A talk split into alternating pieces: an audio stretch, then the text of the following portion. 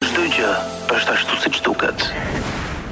Mirë mbrëma dëgjues të çdo gjë është ashtu si duket sot është e enjte ora është 6 mbasdite unë jam Ana Shkreli dhe ky është episodi i radhës i sezonit të dytë të çdo gjë është ashtu si duket uh, unë kam vënë një kapele shtrigash tani sepse për pak afrohet Halloween dhe duke qenë që unë nuk do kem fatin e madh të jem në transmetim natën e Halloweenit mendova që ta shijoj një çik edhe sepse Dua t'i rikujtoj të gjithëve që shtrigat janë një figurë që është anatemuar shumë në histori, janë uh, djegur, janë klasifikuar si gra të këqija, të cilat duheshin larguar nga shoqëria e me radhë, por në fakt shtrigat janë simboli i atyre grave që kanë qenë politikisht të përfshira, që kanë qenë uh, mjeke popullore, që kanë qenë gra të cilat dinin shumë, gra të shkolluara dhe sigurisht gra të cilat nuk pranonin që trupi i tyre të manipulohej nga një tufë burrash që në një farë mënyre ishin ata që simbolizonin patriarkatin.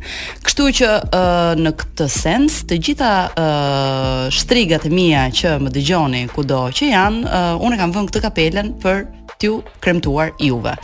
Ëm, thënë kjo, do kalojmë në një temë komplet tjetër që nuk ka lidhje me shtrigërin. Ëm, madje nuk ka lidhje as me vajzat, nuk ka lidhje as me feminizmin, s'ka lidhje as me patriarkatin, por padyshim ka lidhje me pushtetin dhe me dinamikat e pushteteve, sepse në thelb patriarkati është, siç e kemi thënë gjithmonë dhe nuk do reshtim kurrë ta themi, është mbajtja në këmbë e një hierarkie që është një hierarki tradicionale pushteti. E parë në këtë sens mbase, mbase edhe njerëzit të cilët tentojnë të dalin nga linja e përgjithshme e hierarkive dhe pushtetit dhe që um, kanë po themi fuqinë edhe dëshirën për të vënë gjërat në pikëpyetje në një farë mënyre mund të jenë ata që vërtet mund të sjellin ndryshimin në, në shoqëri pra të jenë ata që le t'i quajmë disruptors ata që e prishin sistemin nga brenda e, e, e këpusin atë zinxhirin e vazhdimësisë unë sot kam ftuar Joni Vorpsin i cili është anëtar dhe koordinator projektesh i Protection and Preservation of Natural Environment in Albania, si dhe një Njeri jashtëzakonisht i apasionuar dhe studiues i biodiversitetit në Shqipëri. Joni mirë se vjen. Mirë se të gjeta Ana. Shumë faleminderit. Unë të falenderoj shumë që je këtu sot me ne.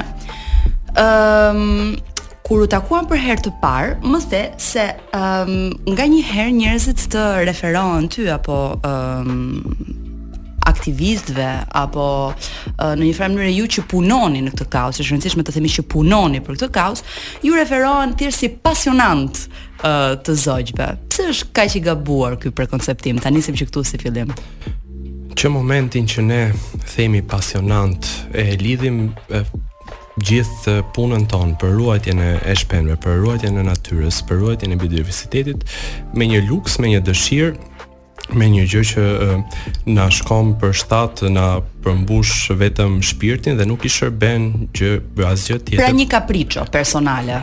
Pikërisht, mm. diçka e tillë. Pra nuk i shërben asgjë tjetër, por vetëm uh, dëshirës tonë për t'i parë sa më shumë këto lloje. Për përveç se përveç faktit që me të vërtetë ne duam t'i shohim këto lloje dhe dua ta duam ta nxisim sa më shumë kundrimin e shpendëve, kundrimin e biodiversitetit, arsye pse ne e nxisim këtë është sepse duam ta ruajmë atë për gjithë shërbimet që jep. Tani kam shumë qejf temat mjedisore. Pse i kam qejf? Sepse të tjerët nuk i kanë qejf. Dhe kjo është një gjë që mua më pëlqen shumë. Të tjerët nuk i kanë qejf sepse nuk janë trajtuar sa duhet. Dhe nuk kjo nuk ndodh vetëm në Shqipëri. Për shembull, isha duke parë një raport të BBC-së të kohëve të fundit në të cilin ata kishin mbledhur minutazhin, ë, mbi se sa janë trajtuar temat mjedisore në uh, Mbretërinë e Bashkuar përgjatë një viti dhe minutazhi ishte një gjë qesharake komplet. Kështu që e thënë në këtë sens, unë mendoj që është një fat shumë i madh që ne të kemi sot këtu. Dhe mendoj që është një diskurs shumë i bukur që do mbahet sot, pikërisht sepse duhet çfarë duhet bërë, duhet rritur ndërgjegjësimi. Duhet rritur ndërgjegjësimi vetëdija mbi ruajtjen e këtyre vlerave dhe ë Më vjen keq që do e bëj këtë krahasim, po kur ka qenë minutazhi aq i vogël në ë Britaninë e Madhe, imagjino se sa më i vogël është këtu, kështu që kjo jo, jo, këtu akoma unë shoh, domethënë sa herë që ka një lajm mjedisor ose lajme që lidhen me ruajtjen e hapësirave të gjelbra etj etj, njerëzit janë akoma në nivele që komentojnë poshtë, domethënë ja ju budallenj pse nuk e doni progresin, pse nuk e doni zhvillimin, domethënë një gati gati në nivelet e injorancës, sepse gjërat nganjëherë duhet të mbajnë emrin që kanë. Pikërisht pra sulmohemi sepse e vlerësojmë atë që na na ushqen. Pra ne themi or duhet ruajtur natyra sepse na shërben neve në radhë të parë. Zonat e mbrojtura, zonat e rëndësishme natyrore duhen ruajtur për shërbimet që na japin si ekosisteme. Komenti i parë që marrim është ju nuk doni zhvillimin, ju nuk doni resortet, ju nuk doni aeroportet.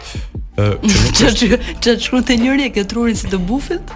E, pas kam mendjen te bufi, tha se kështu mendohet, do të dukej bufi e çati. Bufin, bufi i shkretë. Nuk mund të hysh në diskutim, sa mund ta zgjasësh në diskutim. Joni ka bufa në Shqipëri? Sa si është popullata e bufave në Shqipëri? Ka, uh, nuk është nuk bëhet një monitorim paktën në dijeninë time, uh, i popullatave të bufave bën monitorime në zona të caktuara. Pra, ne kemi bërë monitorime në në zonën e Nartës, në zona të tjera në Prespë, pra në varësi të një zone studimi, nxirret popullata në ato zona. Nuk është mbuluar gjithë Shqipëria.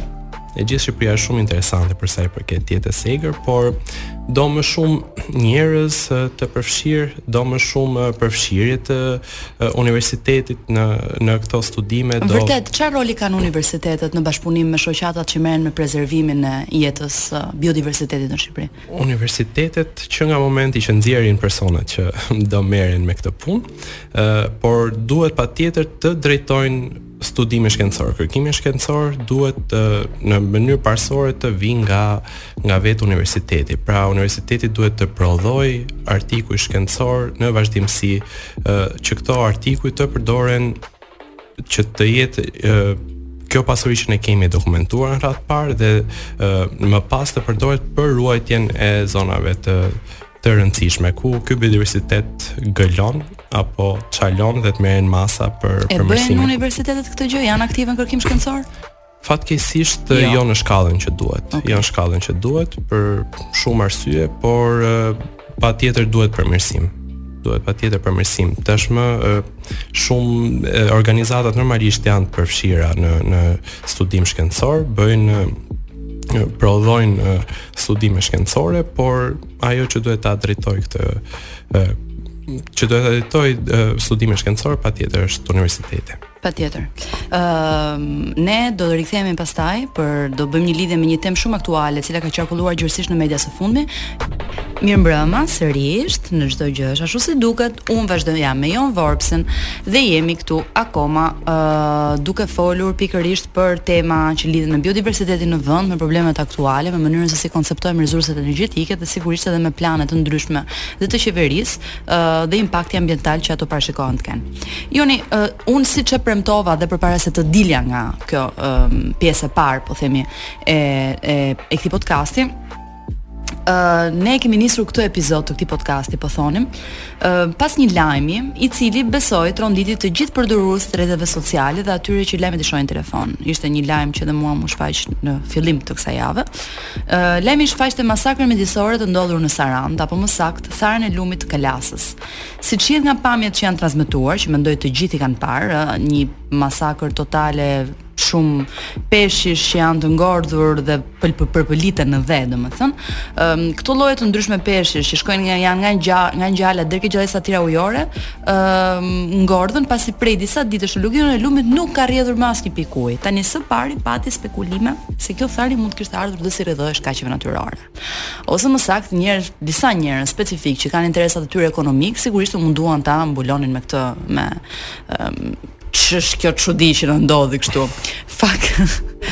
Fakti është që nga pamjet duket që ato gjallesa të shkreta në një farë mënyrë janë gjetur të papërgatitura për ato që kanë ndodhur, sepse sigurisht edhe jeta në tokë dhe peshqit e kanë aftësinë që të adaptohen kur shohin që kanë ndryshime specifike. Çfarë ka ndodhur? Siç e the, lëvizjet, tharja e lumenjve nuk mund të ndodhi në aq në mënyrë të shpejtë dhe ato peshqit gjallesa që janë aty do arrinin të përshtateshin dhe të lëviznin atë në një mjedis tjetër ujor ku do mbijetonin. Por la, spekulimet se mund të ishte nga shkaqe natyrore ranë pas dhe fill pas uh, publikimit të atyre pamjeve, pasi pak ditë më pas uh, ai shtrat lumi filloi të kishte prapë ujë. Okej. Ndërkohë që ne nuk kemi pasur as rreshje, as borë që ngriu dhe shkriu. Po. Uh, pra ai uji nuk kishte nga të vinte, përveçse nga vetë uh, diga vetë nga për vetë nga hidrocentrali, nga rrjedha që Pra le ta themi që ai ishte lumi u tha, duke qenë që u keqmenaxhua situata nga një hidrocentral privat.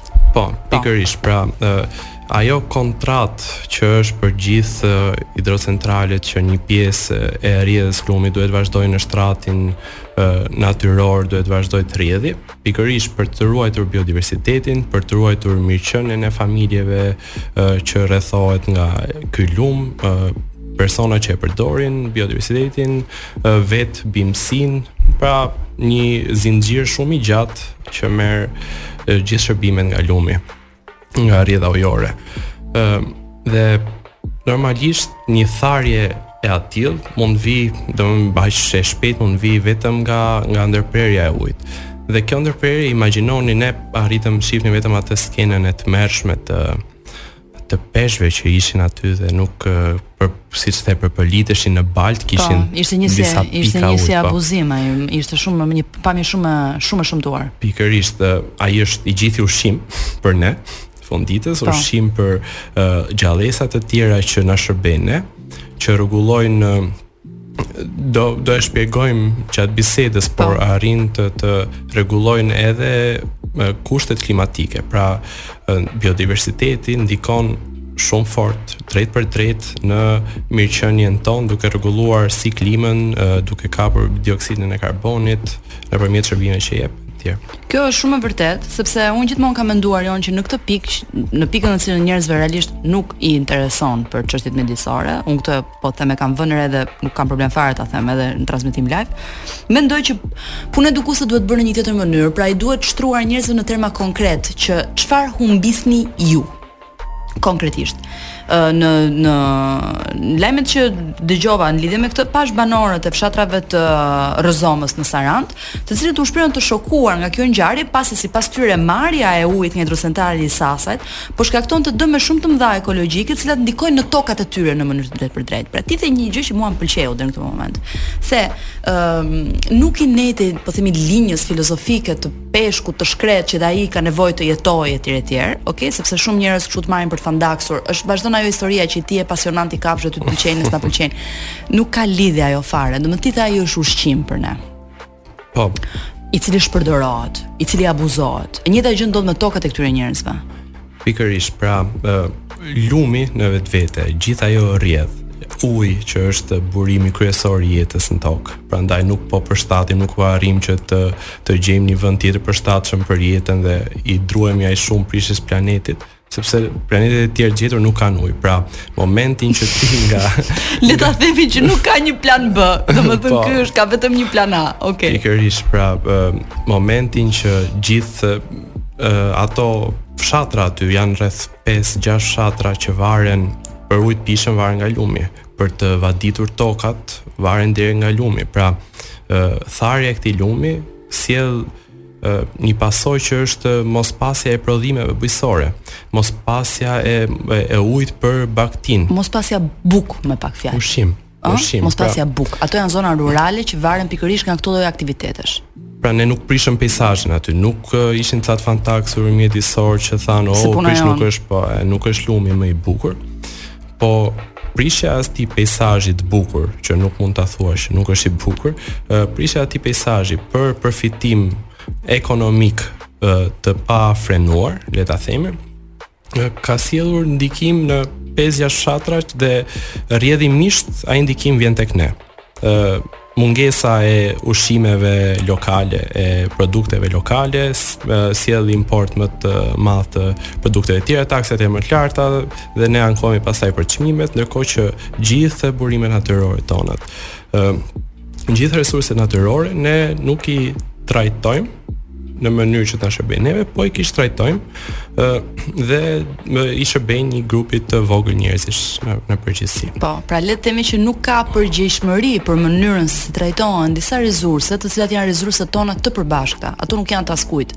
Pavarësisht se dikush mund ta ketë marrë në përdorim për, nuk e di, Nëntëdhjetë e nëntë vjet, njëqind e nëntëdhjetë e nëntë vjet nuk ka rëndësi fare, domethënë këto janë të mira publike. Po mungesa e kontrollit, sepse heci në atë rast ka qenë i ligjshëm, ka marrë ka qenë një zonë që është parashikuar të ndërtohet një hec, ë është bërë ka vite, është ka operuar dhe mungesa e kontrollit ka sjellë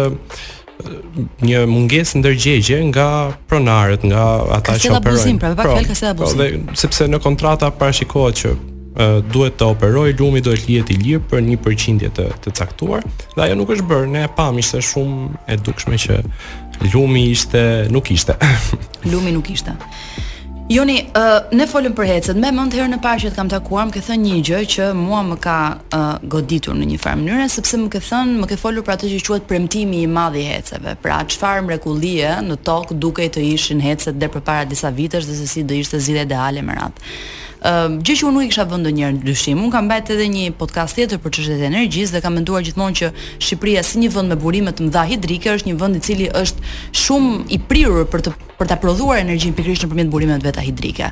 Ë, kështu që do isha shumë interesuar të diskutonim jo vetëm çfarë impakti kanë ato sot, por cilat mund të jenë alternativat e mundshme dhe cilat janë ato alternativa që po implementohen.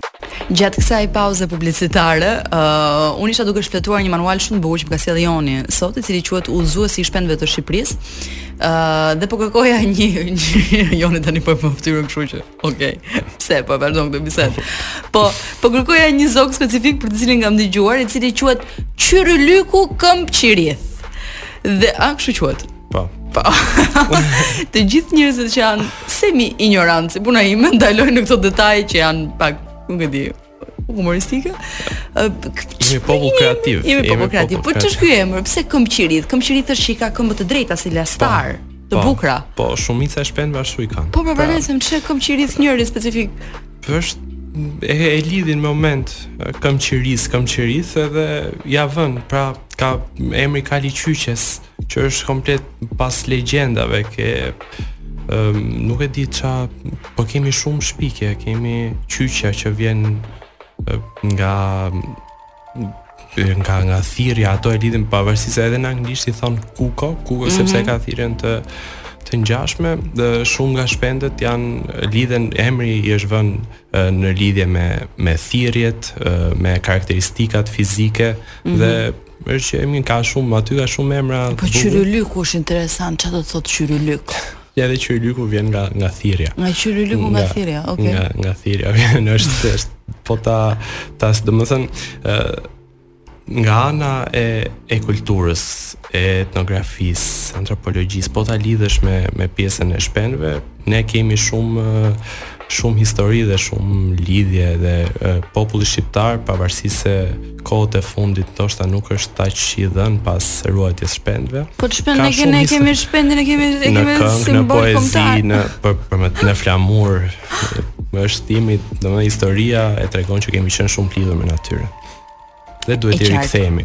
Duhet të rikthehemi, po, ky është synimi. Ë, uh, duhet të rikthehemi, po, në lidhje do them edhe një gjë të shkurtër dhe do të rikthehemi ke biseda jonë serioze, s'diskutohet, po, në lidhje me faktin që shumë zogj kanë marrë emrat nga uh, klithma e tyre, nga ana tjetër edhe um, ne vetë ose atributet tona njerëzore, ë, uh, janë përftuar shpesh nga zogjtë, për shembull kur ju dëgjoni ndonjëherë mamin ose njëri-tjetrin që i thotë mos bëj si grifshë, thotë grifshë, grifsha në fakt është një zog, i cili me sa di ka dhe është edhe një koloni e vogël, janë të pakët në Shqipëri. Në Shqipëri jo grifsha ka, është çafka ajo që. Është çafka, po dhe për çafkë thonë në si po, ishte ose çafkë. E, po që të them, grifshat janë shumë të bukura në vete, kështu që Po, po e kanë atë ulërimin e kanë pak Po, e kanë Therse. po gjithsesi duhet ta marrë si kompliment kur kur thonë që ke si po, po. grifshë. Okej, okay, Joni, ishim duke u kthyer tek po flisim për hecet. Folëm për um, dizastrin mjedisor që uh, u aktualizua më pak se përpara një jave uh, në lumin e Kalasës dhe po flisim pak për hecet, për atë premtim të shndritshëm dhe të jashtëzakonshëm që dukej të ishin hecet përpara disa vitesh në Shqipëri. Po, uh, pikërisht kur hecet filluan filluan të ndërtoheshin masivisht në vendin tonë, kur filluan të jepeshin plane masive për hecet e vogla, ë um, që do ë uh, prodhonin energji nëpërmjet fuqisë së lumenjve tanë. Thanë ishte një dritë në fund të tunelit, mm -hmm. thamë do kemi energji, popullatat lokale thanë ne do kemi vënde pune, u premtuan mijëra vënde pune me, me hecet, u besuan në mënyrë të verbër, u po. besuan, u përqafuan dhe mezi priteshin. Ë, filloi ë, gjëja e parë, jo infrastruktura e parë që i shkonte hecit ishte rruga dhe dhe tani disa nëpër ë, disa banorë lokalë nëpër vendet ku planifikohen hecet gënjehen nga ndërtimi i rrugës. Do të thonë a po na bëhet rruga. Në këtë pikë domethënë po. Por pavarësisht kësaj, ditët e sotme kanë një ndërgjegjësim shumë më të lartë për sa i përket heceve. Ë, popullatat lokale kanë informuar njëra tjetrën. Ne nuk jemi më një vend i mbyllur që nuk ka komunikim fshati me në veri me fshatin në jug, po. po. Dhe është informuar që ndotja që vjen nga hecet është e madhe. ë të dëmton të ushqimet pra produktin ushqimor dëmton në peshqit jetën e, e gjallë në në lumin ë privon banorët lokalë nga përdorja e lumit pra njerëzit në në Valbonë, në veri, shpesh thonë ne pinim me duar nga ky lum. Mm -hmm. Tani thonë është i ndotur. Pra, e, i kanë parë pasojat negative se si i ndikojnë jetën e vet dhe Ditët e sotme hecet, le të themi që janë nga infrastruktura më e urryer energjetike. Ëm popullatat lokale, aktivistët janë gjithë kohës duke u ngritur kundër heceve me të drejtë. Pra, është parë se si një hec që keqpërdoret, që keqmenaxhohet dhe që bëhet, siç është bërë shpesh në vendin tonë në në vende jo të përshtatshme. Mhm. Mm pra nuk ka patur një studim të mirëfilltë. Po, ndikon negativisht në shumë aspekte, sociale, mjedisore, ekonomike. Ë heci për të operuar do nuk do aq forcë punëtore të madhe sa propagandohet dhe është vetëm gjatë ndërtimit mund të ketë një forcë të shtuar. Ë dhe e gjithë kjo ka bërë që njerëzit t'i urrejnë, siç thashë t'i urrejnë dhe të kërkojnë mënyra të tjera të të të zhvillimit të energjisë, të prodhimit të energjisë. Dhe duke qenë te kjo, ne kemi tendencën t'i besojmë në mënyrë të verbër gjithë mënyrave të tjera të prodhimit të energjisë. Çdo profeti, çdo profeti të rremë që na del përpara. Po. Pa kaluar tek mënyrat e tjera të energjisë, do thoja që mbasaj që më the ti që unë ë, u futa dhe hulumtova pak.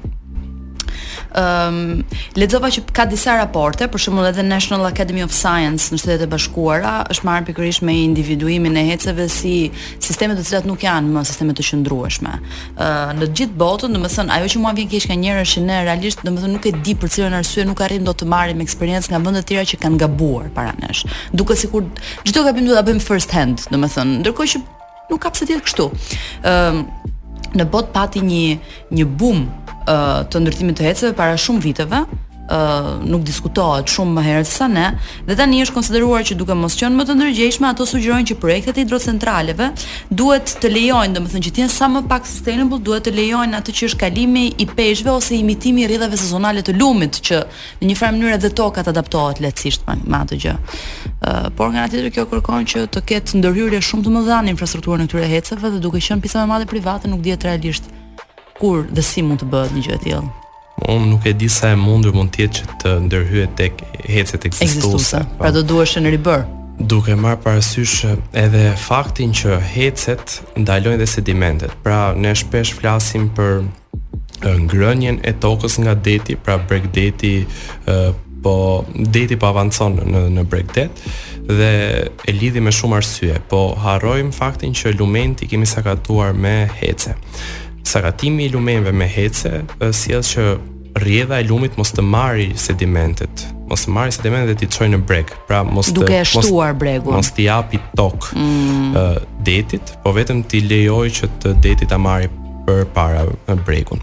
Dhe po këto sedimente ngelen diku, pra ato nisen dhe ngelen diku dhe ngelen në, në buzë të hecit. Dhe kjo bën që heci të kërkojë investime shumë të mëdha për e, pastrimin e nga sedimentet që depozitohen ose të dali jashtë përdorimit. Pra, humbet fuqinë prodhuese. Me kalimin e kohës humbet fuqinë prodhuese, bie eficenca dhe normalisht duhet të shkojmë drejt ndërtimit të heceve të tjera. Mm -hmm. Ose infrastrukturave të tjera. Kështu që bie të prodhojmë ngrehina, ngrehina, të cilat mbeten fantazëm sepse mbasi e kanë shkatërruar ekosistemin në një farë mënyre nuk i shërbejnë më as vetvetes. Ajo është një një bjerrje dhe një abuzim total në fund, pa harruar dhe faktin që shpesh në këto bregdete ne duke prerë të pemët, heqim edhe efektin mbajtës të dheut që kanë vetë rrënjët e këtyre pemëve, kështu që e humbasim një herë për gjithmonë po, bregun. Te bregu, pastaj hyjmë në në temë shumë të thellë. Jon, mua ne do hyjmë në temë të thellë, por mua më duhet të hyj në publicitet tani,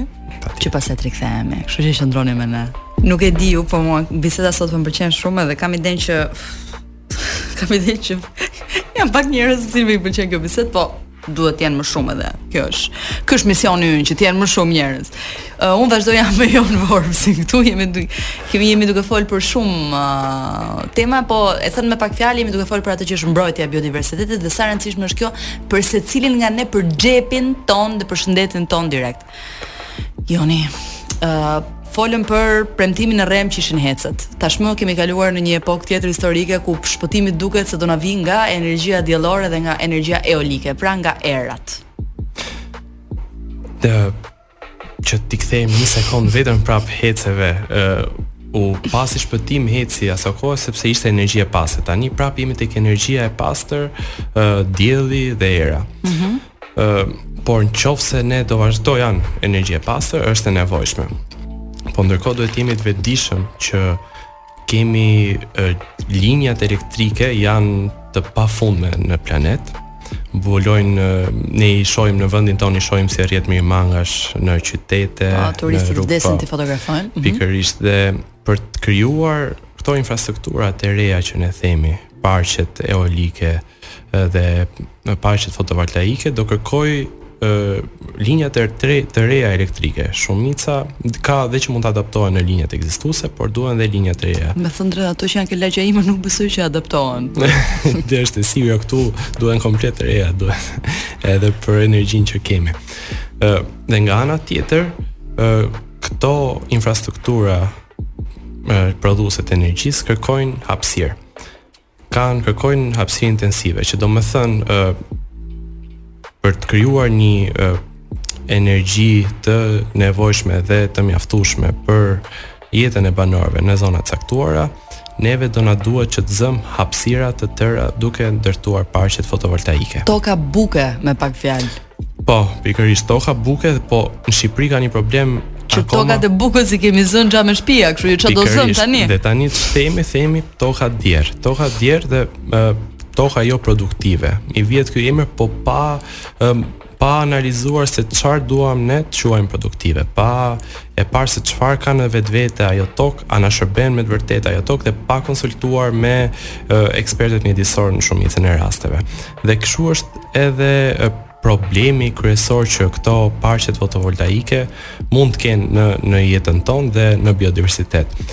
Zënia e hapësira do pro instalimi i këtyre parqeve vetëm për të prodhuar energji, vetëm me këtë qëllim, vetëm për të prodhuar energji të pastër mund të sjellë zhdukjen e habitateve të rëndësishme natyrore. dhe duke zhdukur këto habitate ne mund të zhdukim uh, mundësinë që këto habitate na japin për ta kapur karbonin. Pra, ne duam të eliminojmë karbonin duke uh, zënë habitate të cilat e zënë kur dhe e mbajnë karbonin.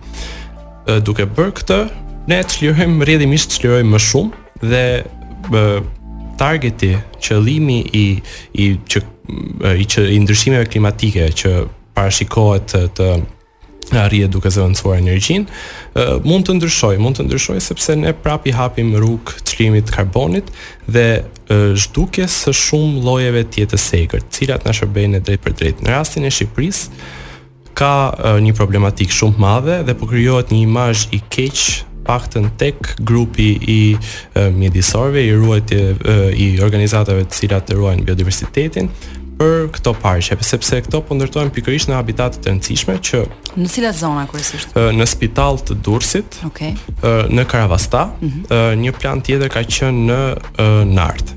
Pra në tre habitate që aty folezon Dallëndyshja e detit është një lloj i cili llogaritet kishim deri 200 çifte, lloj shumë i bukur le ta themi mm. dhe t'ia japim këtë meritë. Jo, fizikisht është shumë e po. pashme, kjo është e vërtetë.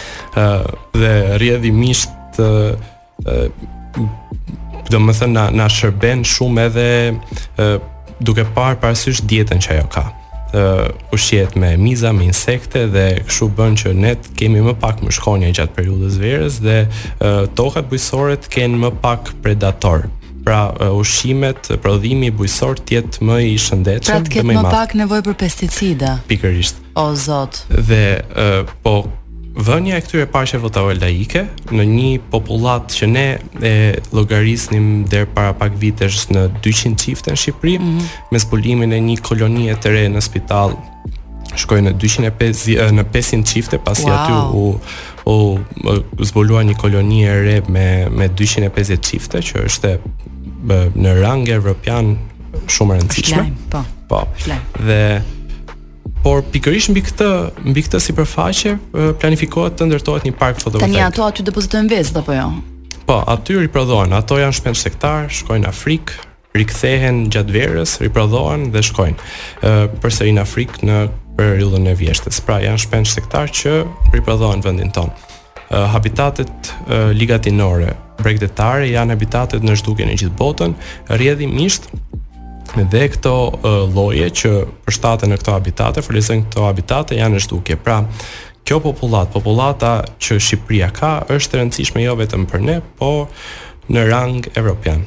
për ruajtjen e trashëgimisë natyrore. Kjo është një temë tejet e rëndësishme, ë uh, e cila në një farë mënyre lidhet pikërisht me konceptin që ne kemi për biodiversitetin dhe me faktin që biodiversiteti, të cilin unë do doja të trajtonim në sesionin e dytë të këtij podcasti, është një trashëgimi e cila është një trashëgimi e përbashkët botërore dhe prandaj është dhe në fokus të proceseve të ndryshme siç është procesi i integrimit. Mirë mbrëma, unë jam Ana Shkreli dhe jemi prap në bashkë, domethënë në pjesën e dytë të podcastit. Çdo gjë ashtu si duket, unë vijoj të kem të ftuar Joni Vorpsin, me të cilin kemi mbajtur një diskutim shumë të bukur deri tani dhe besoj do jetë akoma më i bukur uh, ai në vijim. Gjatë kohës që ju dëgjonit lajmet, ë uh, unë me Jonin ishim duke qeshur pak uh, në backstage. Dhe nisi një temë diskutimi që a janë të gjithë zogjtë monogamë apo jo. Uh, Joni më tha që ka disa zogj që janë monogamë, ka disa zogj që nuk janë monogamë.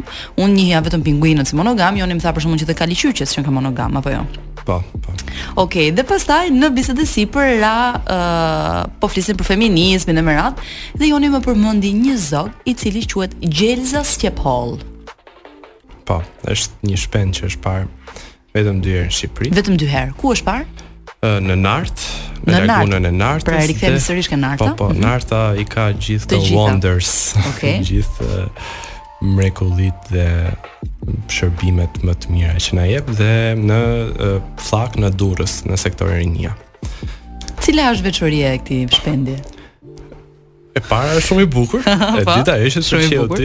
Ishte që ë uh, Ai shpend pasi çiftohet periudhën e folezimit, femra, mashkulli rri dhe ngroh vezët, ruan folenë, ndërsa femra shkon në kërkim të një partneri tjetër. Femra shkon në kërkim të partnerëve të rinj. Po. Okej? Okay? Po. Që do të thotë, të gjithë ata që për të mbrojtur tezat e tyre më marrin si referencë botën uh, e kafshëve, do t'i thoja të studionin pak më shumë sepse asnjëgjë nuk është e shkruar në gur dhe dinamikat janë të ndryshme nga specia në specie, sikurse janë të ndryshme edhe nga njeriu në njeri. Tani thënë kjo, dhe thënë kjo pauza jonë gjysmë humoristike, ne ishim duke folur për biodiversitetin, edhe për sa sa sa e rëndësishme është mbrojtja e biodiversitetit në Shqipëri. Jo vetëm si biodiversitet vetëm i yni, por duke e parë Shqipërinë pjesë të një komuniteti global, i cili në një lloj mënyre është përgjegjës dhe dorëzan edhe për atë të mirë publike që shkon përtej nesh. Po, për ta kuptuar këtë dhe për t'u vetëdijësuar që ruajtja e biodiversitetit është një e mirë më e madhe seç ne jemi mësuar ta mendojmë, uh, apo më sa e kemi vetëdije mbi ruajtjen e biodiversitetit, uh, mjafton t'i rikthehemi si, fil, si filloi ruajtja e shpendëve dhe ruajtja e natyrës. Mm -hmm. Ishte konventa e parë që u krijua, ishte konventa në 1902, konventa për ruajtjen e shpendëve, të cilët janë domosdoshëm për bujqësinë. Pra, që në titull lidhet direkt me njeriun.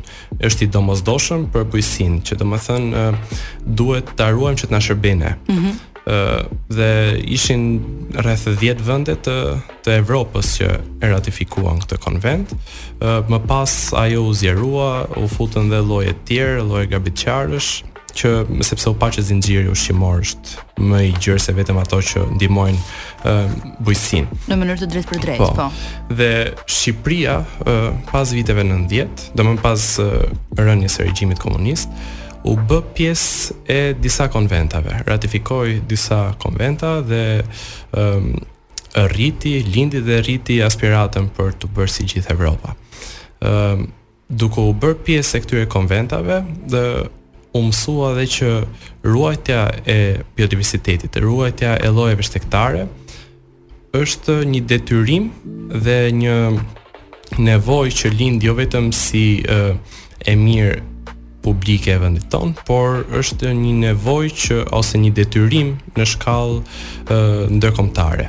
Kjo duke marrë parasysh që edhe vendet e tjera, pra konventat janë të traktate të cilat marrëveshje të cilat të firmosen për të ruajtur një të mirë më të gjerë dhe marrim një shembull duke pasur parasysh që shpendët shumica e shpendëve janë shtegtarë dhe në shumë vende të botës ato inventarizohen si pasuri natyrore në shtete të zhvilluara, shtete të cilat ia kanë kuptuar rëndësinë, shtete të cilat i përdorin për për zhvillim të qëndrueshëm i kanë propozuar, i kë janë mbledhur, kanë ratifikuar këto konventa dhe në të cilat dhe ne jemi pjesë. Dhe praktikisht në gjuhë shumë të thjeshtë thonë, meqenëse unë këtë e përdor si pasurinë time. Është pasuri e imja, është trashëgimi natyrore e imja dhe një pjesë, një periudhë vitit e kalon në shtetin tënd. Ti ke habitate, ti Shqipëria, domethënë, ke habitate të cilat më vyjen, më shërbejnë mua, për të ruajtur trashëgiminë time natyrore dhe më pas ajo kthehet prap tek unë. Duke marrë parasysh këtë që ti ke në dorë një pasuri që nuk të përket ty gjithkohës, por rikthehet tek unë, unë e e përdor ose vazhdon rrugëtimin për në për në Afrikë, për në pjesën tjetër të globit, ne duhet t'i ruajmë këto habitate të cilat janë të rëndësishme dhe këto lloje të cilat janë të rëndësishme për të gjithë ne. Dhe duke u bërë pjesë e këtyre konventave dhe duke i zbatuar këto konventa, ne marrim përsipër dhe tregojmë në një farë mënyre që ne jemi të aftë të jetojmë në komunitet evropian që kjo është shumë e rëndësishme që ne, po, jemi të aftë të jetojmë në komunitet po të jetojmë në në një bashkim në një union siç është Bashkimi Evropian për të përfituar të mirat por edhe për të përmbushur detyrimet që lindin nga nga këtë ky nga këto bashkime. Joni, a është vërtet që këto detyrime janë në një farë mënyre edhe prerekuizite për proceset e integrimit në BE? Po, sigurisht. Zona të caktuara kanë pra rrjetet ekologjike përfshin zona të caktuara. Rrjetet ekologjike janë kombëtare dhe ndërkombëtare. Ne kemi zonat e mbrojtura, të cilat janë rrjete ekologjike kombëtare, po kemi dhe zona të cilat mbartin statusin ndërkombëtar, siç janë zonat Ramsar, zonat e rëndësishme për shpendët, zonat kyç për biodiversitetin, zonat kandidate Emerald dhe pikërisht këto zona, zonat kandidate Emerald, janë një kusht që përfshihet në marrëveshjen tonë të stabilizim asociimit që rrjedhimisht na është dokumenti që do na çoj apo zbatimi i të cilit ne do na hapi rrugën drejt futjes së Bashkimit Evropian. Pra thyerja moszbatimi dhe mosruajtja e këtyre zonave të cilat kanë një interes jo vetëm kombëtar, por ndërkombëtar, për arsye shkencore të cilat ë Bashkimi Evropian i njeh dhe ka prodhuar dokumenta siç është direktiva e shpendëve. Ë janë një detyrim që ne të t'i zbatojmë dhe të futemi në në këtë union. Joni, unë do lexoj një tekst të shkurtër. Ëm um, në Shqipëri mbijetesa e pelikanit kaçurrel quhet si një nga sukseset më të mëdha të ruajtjes së jetës së egër në vend. Ndonëse habitati i tij shtrihej në të gjithë pjesën bregdetare, ky shpend po shkonte drejt zhdukjes në vitet 90. Kur regjimi totalitar i Hoxhës përfundoi në vitin nëntëdhjetë e një, pasoi një gjendje anarkie. Në ato ditë të gjithë kishin armë, që do të thotë se të gjithë ishin gjuetarë potencialë, thotë Aleksandër Trajça. Vetëm disa individë të ekzaltuar, por me ide të çmendura, mund të shkaktonin shumë dëme. Deri në vitet dy mijë, vetëm nëntëmbëdhjetë fole kishin mbetur në Parkun Kombëtar Divjakë Karavasta, e vetmja koloni riprodhuese në vend. Njëzet e pesë milje në veri të Nartës, nga tetëdhjetë e një çifte që kishin qenë në vitin një mijë e nëntëqind e tetëdhjetë e katër. Mbrojtja ligjore rezultoi vendimtare në rimëkëmbjen e trendit rënës të popullatës. Fillimisht, vetëm pylli me pisha i Divjakës ishte zonë e mbrojtur. Në vitin një mijë e nëntëqind e nëntëdhjetë e gjashtë, laguna mori statusin e ruajtjes dhe në vitin dy mijë e shtatë, e gjithë zona, nga lumi Shkumbin në veri deri në lumin Seman në jug, u shpall park kombëtar. Vjosa-Narta u bë peizazh i mbrojtur në vitin dy mijë e katër. Moratoriumi i gjuetisë në vitin dy mijë e katërmbëdhjetë. shtoi një tjetër shtresë mbrojtjeje, ndihmuan për ruajtjen e natyrës gjithashtu edhe ndërkombëtarët. Tani unë jam kurioze të kalojmë në pjesën tjetër të këtij diskutimi, është cilat janë rreziqet që i kanosen tashmë biodiversitetit tonë dhe këtyre zonave të cilat ne i kemi jemi entuziazmuar ë, për rikthimin e këtyre habitateve në mbase në gjendje më të shëndetshme. Meqë çdo gjë është ashtu siç duket, edhe ne do t'i themi gjërat ashtu siç janë. Joni, ë uh, ishim duke folur për rreziqet që i kanosen biodiversitetit sot në Shqipëri. Cilat janë disa nga rreziqet apo rreziku po themi më eminent ë uh, dhe i tanishëm? Po, rreziku që është më aktual në vendin tonë mm -hmm. dhe është nga kërcënimet më të mdhaja që natyra ka pasur paktën këto 30 vite është zhvillimi i pamenduar, planet zhvillimore të pamenduara dhe sulmi mbi zonat e mbrojtura. Një nga këto që lidhet direkt me artikullin që citove është aeroporti i Nartës. Ëm aeroporti i Nartës nga ana tjetër ka dhe resorte siç në rastin e Butrintit që pretendohet planifikohet të ndërtohet në zonë mbrojtur apo dhe plane të tjera. Ëm këto plane janë le të themi thelbi i gjithë problematikës mjedisore në Shqipëri.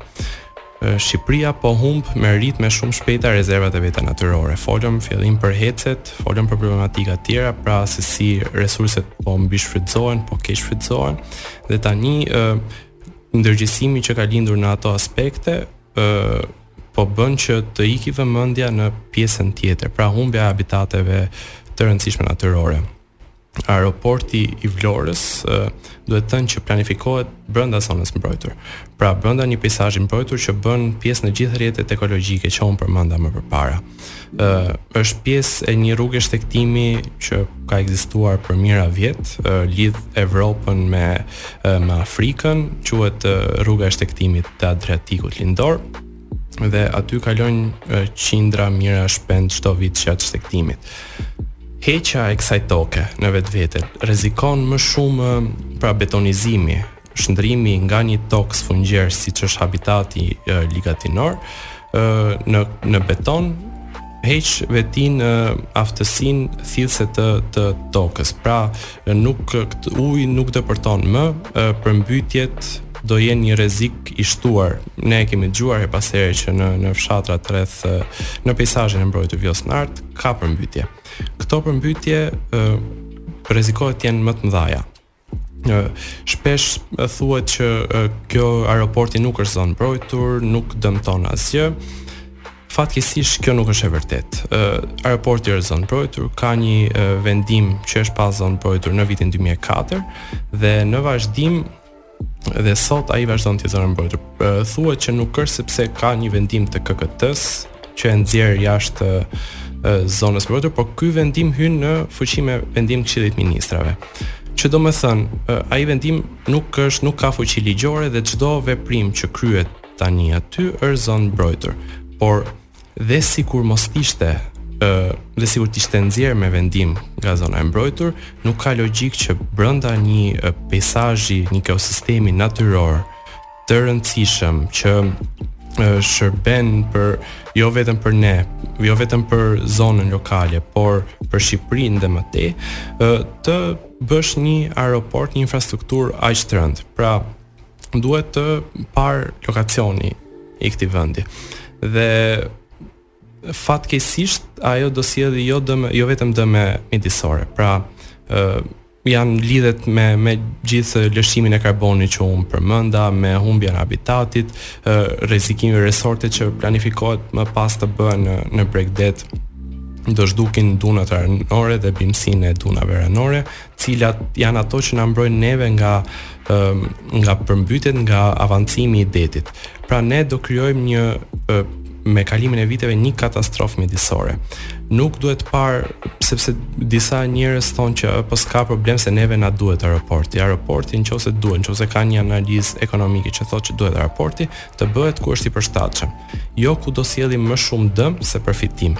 Pra ne ngremë ë krijojmë një problem shumë të madh social në zonë. Ne heqim, ne propagandojmë që e duam për zhvillimin e turizmit, po heqim një aset turistik dhe një aset që është shumë i rëndësishëm për ë zhvillimin e qëndrueshëm që po e kërkojmë dita ditës, themi ë po shkatërroj, po kemi fatkeqësi natyrore, po rriten temperaturat, na duhet zhvillim i qëndrueshëm dhe ne kemi potencial të jashtëzakonshëm për ta bërë këtë zhvillim dhe e kemi pikërisht në në zonat e mbrojtura.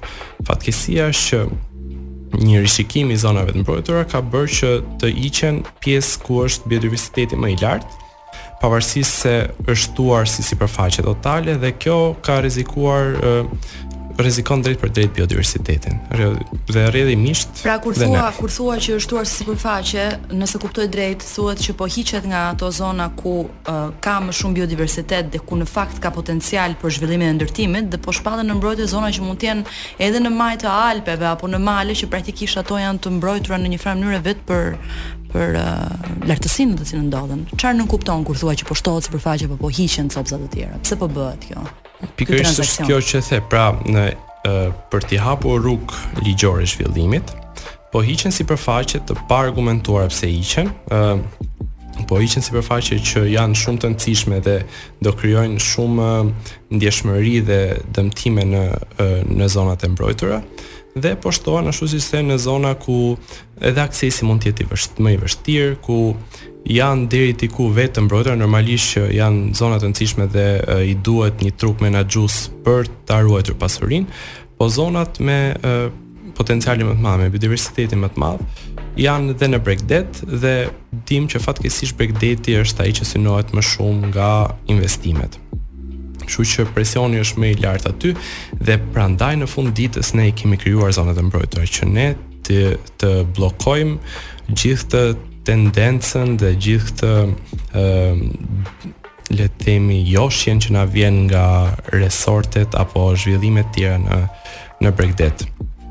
Dhe nuk duhen përdorur zonat e mbrojtura si zona që kanë bo, qenë bosh deri dje, për të ndërtuar, pra meqë e kishim bosh, po ndërtojmë. Jo, ato janë shpallur zona të mbrojtura për shkak të vlerave natyrore, të cilat janë vërtetuar shkencërisht dhe për pikërisht për shkak të këtyre vlerave duhet të vazhdojnë të ruhen për për shumë vite. Në mënyrë siç e përsëritëm e thamë që të na shërbejnë direkt ne. Aty ne marrim peshkimin, pra ushqim, marrim produkte bujqësore, marrim ushtrohet blegtëria, Turizmi ka një potencial birdwatching në gjithë. Dua të ndaloj pak këtu te turizmi, sepse ajo që më shqetëson është që nganjëherë në retorikë publike duket sikur kjo çështje shtrohet, jo vetëm në rastin, në këtë rast konkret, por në përgjithësi, shtrohet sikur nga njëra anë kemi të bëjmë me zhvillimin, nga ana tjetër kemi të bëjmë me prapambetjen. Ndërkohë që nuk ka pse të jetë kështu, sepse mendoj që kudo ka ë uh, alternativa zhvillimore, të cilat mund të jenë të qëndrueshme, ë, duke bërë sigurisht një balancë të çfarë humbasim e çfarë fitojmë, duke gjetur atë që është raporti më i duhur. Mendon që në momentin që shikohet uh, thithja e turizmit në një këndvështrim tjetër, pra pikërisht duke enfatizuar dhe duke duke perfeksionuar këto dhe turizmin që është një turizëm ambiental, një turizëm natyror, një turizëm që mbase mund të mos lidhet në mënyrë të drejtpërdrejtë vetëm me birdwatching, po me të gjithë jetesën në këtë ekosistem, kjo mund të jetë një alternativë tjetër që mund të sjellë dhe zhvillim ekonomik? Patjetër, madje në mendimin tim dhe gjykimin tim, çka me aq sa kam parë është që pikërisht kjo propagandohet në vende të tjera. Ne nuk jemi të njohur për resorte, ne nuk do konkurrojmë dot Greqinë apo vende të tjera për Turqinë për resorte. Ne jemi reklamuar si vend me një natyrë të egër, natyrë të pasur, Dhe vizitorët që vijnë, vijnë pikërisht për të shijuar këtë peizazh, për të shijuar këto vlera natyrore, këto vlera tradicionale për sa i përket përdorimit të këtyre zonave dhe nuk vijnë për luksin.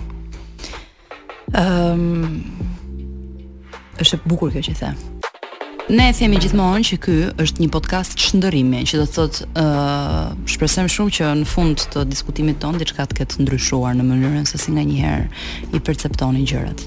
Ose nëse s'ka ndryshuar, ç'a them. Joni. Pa e kanë dëgjuar. Joni mirë se je këtu, se ke kohë që ke ardhur. Ëm, um, ishim duke folur pak po na flisje për impaktin mjedisor uh, të aeroportit të Vlorës. Ëm ehm, jam kurioze të di, në radhë të parë njëherë a ka patur reagim ndërkombëtar për çështjen? Ju vetë si organizatë, ë ehm, si keni punuar në dy fronte, pra në frontin kombëtar dhe në frontin ndërkombëtar, po e quaj unë? Ose më saktë frontin po. lokal mbase, nuk e di. Ne si organizatë bashkë me organizatat e tjera shoqërisë civile, mjedisore dhe jo vetëm, Kemi reaguar, kemi informuar të gjithë partnerët ndërkombëtarë, qofshin këto organizata ndërkombëtare që janë të rëndësishme në ruajtjen e natyrës dhe janë të rëndësishme në krijimin e këtyre politikave për ruajtjen e natyrës, qofshin këto institucione ndërkombëtare, organizata të ndryshme, konventa, Vetë Komisioni Evropian konventat e ndryshme janë çuar ankesat dhe situata reale. Pra, është çuar çfarë po bëhet, është raportuar. Ka pasur nga këto raportime ka pasur reagim, ka pasur si nga organizatat e shoqërisë civile ndërkombëtare, Pra kanë reaguar, kanë dërguar e, e, thirrjet e tyre, letrat komuniteti shkencor ndërkombëtar ka bërë thirrje që kjo vepër do jetë e dëmshme në atë vend jo vetëm për Shqipërinë, po ndikon dhe vendet e tjera. Bashkimi Evropian që prej vitit 2020 mos gaboj ka e ka përmendur aeroportin e Vlorës në vitin 2021 ka e themi gjykuar firmosjen e kontratës si një vepër të paligjshme dhe ose le të themi ta citojmë tamam ka thënë në kontradiktë me me ligjet kombëtare dhe konventat ndërkombëtare dhe e, gjithashtu këtë vit shprehet se fillimi i punimeve brenda zonës mbrojtur Vjosë-Nartë për aeroportin e Vlorës shkon është shkon kundër ligjeve kombëtare dhe konventave ndërkombëtare. Pra ka një gjuhë që e tërheq deri diku veshin dhe tregon që është e rëndësishme që të ruhet. Ndërkohë, dhe konventat në të cilat ne bëjmë pjesë, tre konventa, konventa e Bernës, AEWA dhe e, konventa e llojeve shtektare, ka ardhur në Shqipëri, ka bërë një vizitë në terren bashkë me e, me e, institucionet, bashkë me organizatat e shoqërisë civile dhe ne presim një raport. Pra, zbritja e këtyre konventave në terren në vetvete është një akt um, le të themi që tregon që ka një një gjë alarmante që po ndodh. Nuk është aq e thjeshtë siç thuhet këtu, nuk është thjesht po bëhet një aeroport në gjurmën e vjetër siç propagandohet, por po bëhet një vepër, një um, infrastrukturë e rëndë, një aeroport ndërkombëtar brenda një zone të mbrojtur, brenda një zone të rëndësishme natyrore. Çfarë do të thotë nëse mundesh ta shpjegosh pak për audiencën tonë në gjurmën e vjetër? Hm, se unë e di këtë, por dëshiroj që ta kuptojnë të gjithë në çfarë referohen kur thonë gjurmë e vjetër. Një piste të vjetër që shërbente për stërvitje ushtarake. Në çfarë vitesh? Ë para viteve 90, mm -hmm. mos të gaboj, po shumë më përpara. Dhe ishte vetëm për stërvitje ushtarake, imagjinoni se sa rrallë dhe sa pak mund të fluturonin, avionë aty, avionët normalisht nuk ishin Boeing që mbanin 300 pasagjerë brenda. Ëm dhe ndërkohë vetëdija mjedisore në atë kohë ishte shumë e vogël. Është ajo që përmendëm më përpara që ne duhet të mësojmë nga gabimet e të tjerëve. Dhe gabimet e të tjerëve janë që kanë bërë aeroporte pranë lagunave të tilla dhe tani ë ka një, një pendesë të madhe le të themi ata që administrojnë sepse ka kosto shumë të larta, ka rrezik në njerëz dhe në shumë kohë ka ndalim fluturimit vetëm sepse ka është parë që ka një ndikim shumë të madh tek jeta e egër dhe anasjelltas. Kështu që Ëm pista e vjetër është thjesht një gjurmë që në 2004-ën është shpallur dhe ajo zonë e mbrojtur, është një gjurmë që po ta shikoje para ndërhyrjeve që janë bërë, ishte thjesht ë shikoje pak zhavor në fundin e, e saj, rreth 20 metra dhe pjesa tjetër ishte komplet e zënë me bimësinë karakteristik, karakteristike të zonës. Pra, e kishte marrë natyra. Ishte gjanë një gjë që i përkiste natyrës dhe i shërbente asaj. Dhe natyra bënte shërbimin e vet tek ne. Pra nuk është nuk është fare e vërtetë se disa herë është thënë që nuk po bëhet infrastrukturë e re, është janë thënë lloj-lloj termash që nuk po bëhet investim i ri, infrastrukturë e re, është tek aeroporti ekzistues, Po e vërteta është që aty nuk ka dhe madje edhe në Google Maps po ta hapësh tani dallohet që ende s'ka ndryshuar ajo gjurma, shpresoj. Por që më është ka qenë shumë e dukshme që nuk kishte një dhe është shumë e dukshme ndërhyrja që është bërë tashmë.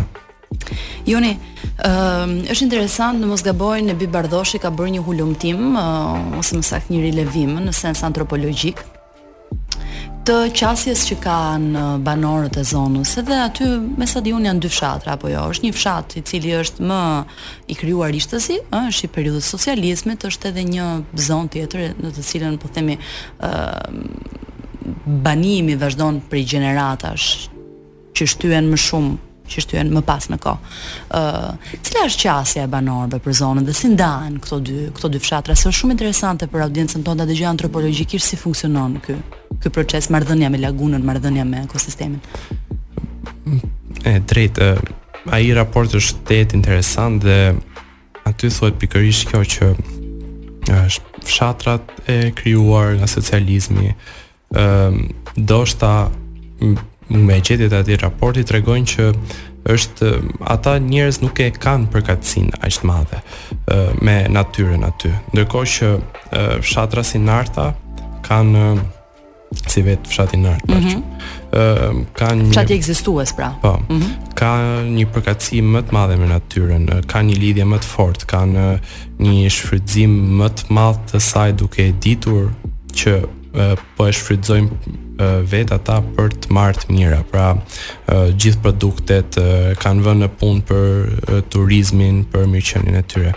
Ndërkohë që fshatrat e tjerë të cilat janë prodhuar, janë krijuar gjatë kohës së socializmit, në pjesën tjetër të peizazhit të mbrojtur kanë më shumë memorien e ikjes e kanë të, të lidhjen me shpendët tregojnë njohuri për to po e lidhin më shumë jetesën e tyre aty me me ikjen kujtohen me për gomonet për aktin e largimit nga nga zona, nga pra bregdeti. Pra kalimit të kufirit, po. ikjes, lënies së Shqipërisë pas. Po, pikërisht, pra e kanë në le të themi që me siç e thamë në fillim që nuk e kanë përkatësinë mm -hmm. Domethënë janë dy qasje të ndryshme, është një fshat ekzistues, i cili në një farë mënyre është i lidhur me tokën, si tokë me pasuritë e veta natyrore, me mbase kujtimet që unë do doja t'i preknim çik më vonë kujtimet e këtyre njerëzve në lidhje me shpendët dhe se si këto kujtime nganjëherë bëhen dhe fantazmagorike, domethënë. Po që nga ana tjetër është gjë e bukur, sepse kur Ti ke tendencën ta amplifikosh një kujtim tregon që është thellë i rrënjosur në zemrën në zemrën tënde. Dhe nga ana tjetër ky fshat, një fshat i cili është ndërtuar më rishtas janë njerëz të cilët e lidhin me largimin, me ikjen, me proceset e eksodit dhe janë njerëzit që mendojnë që do punësohen në këto struktura aeroportuale. Joni po flisnim për këtë ndarjen e banorëve, çunat që ishin që janë tek DJ qeshën me mua kur përdora termin rishtazi për fshatin e ndërtuar gjatë socializmit, po ajo është shumë e re krahasimisht me ë krahasimisht me historinë e atyre zonave dhe trevave që kam idenë që kanë qenë kanë qenë të banuara prej shumë kohësh. ë Jon, po flisnim për këto dy ndarje. Pra, për një për fshatin fshatin ekzistues, i cili këto zogj dhe këtë ekosistem e ka objekt krenarie.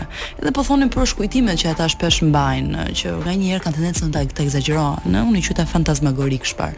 Kur ju shkoni dhe i pyesni, cila është qasja që ato kanë me këtë me këtë ekosistem, me këtë habitat? Ndoshta edhe më të vjetrit, që kanë kaluar dhe fëmijërinë aty.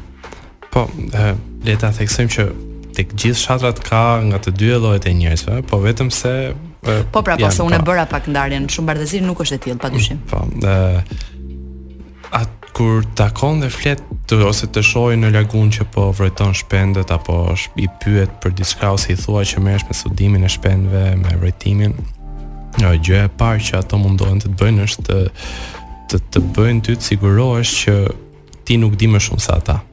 Pra ato. Të tregojnë vendin në një po, farë mënyre. Domethënë, po ç'do më tregosh ti flamingot? E fillojnë të tregojnë Kur i kam si ishte, po.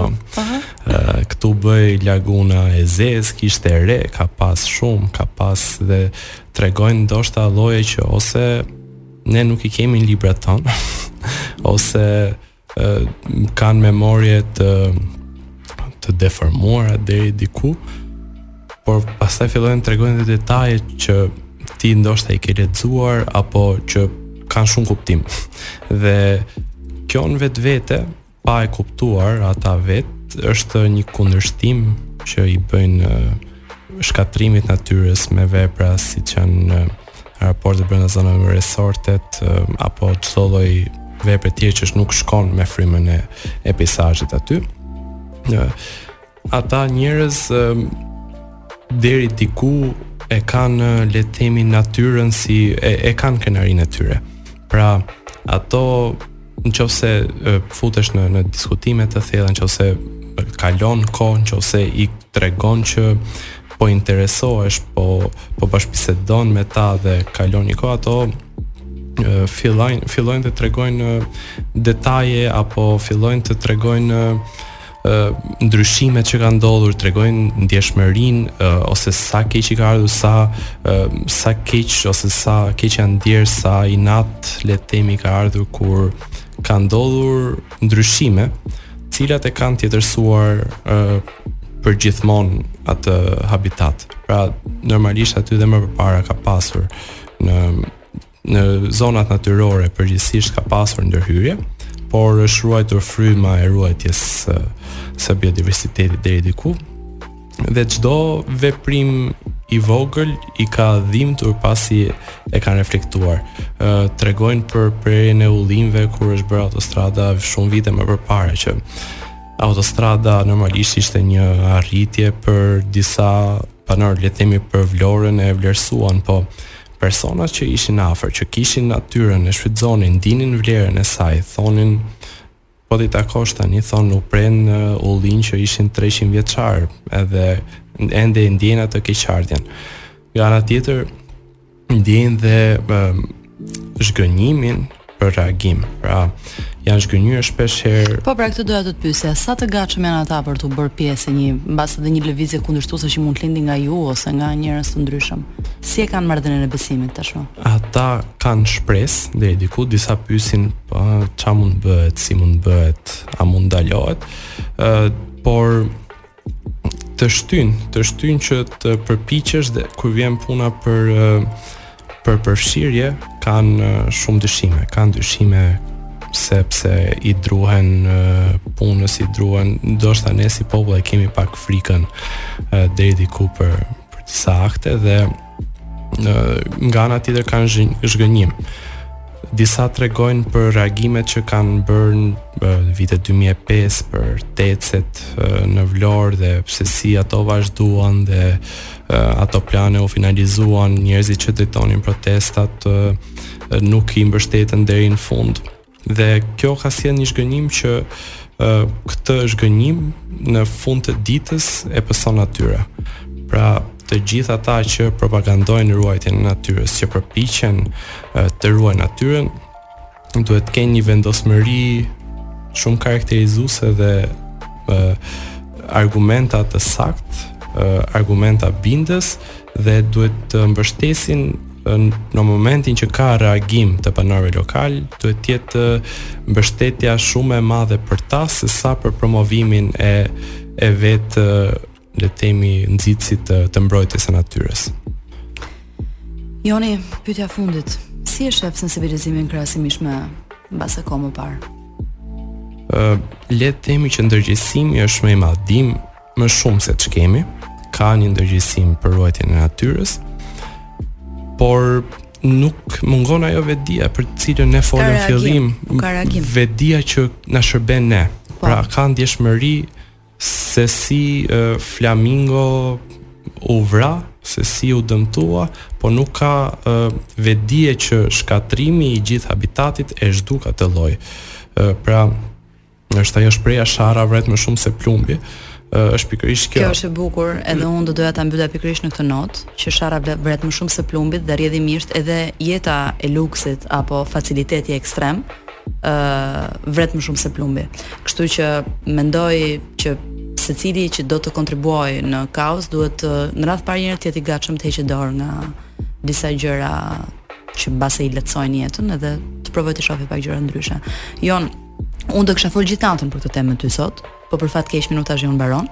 Uh, unë të falenderoj shumë që ishe sot me ne dhe shpresoj që ky podcast realisht të dëgjohet dhe njerëzit të kenë mundësi të rimendojnë shumë gjëra. Shumë faleminderit. Kaloni mirë. Natën e mirë, dëgjohemi të enjten që vjen.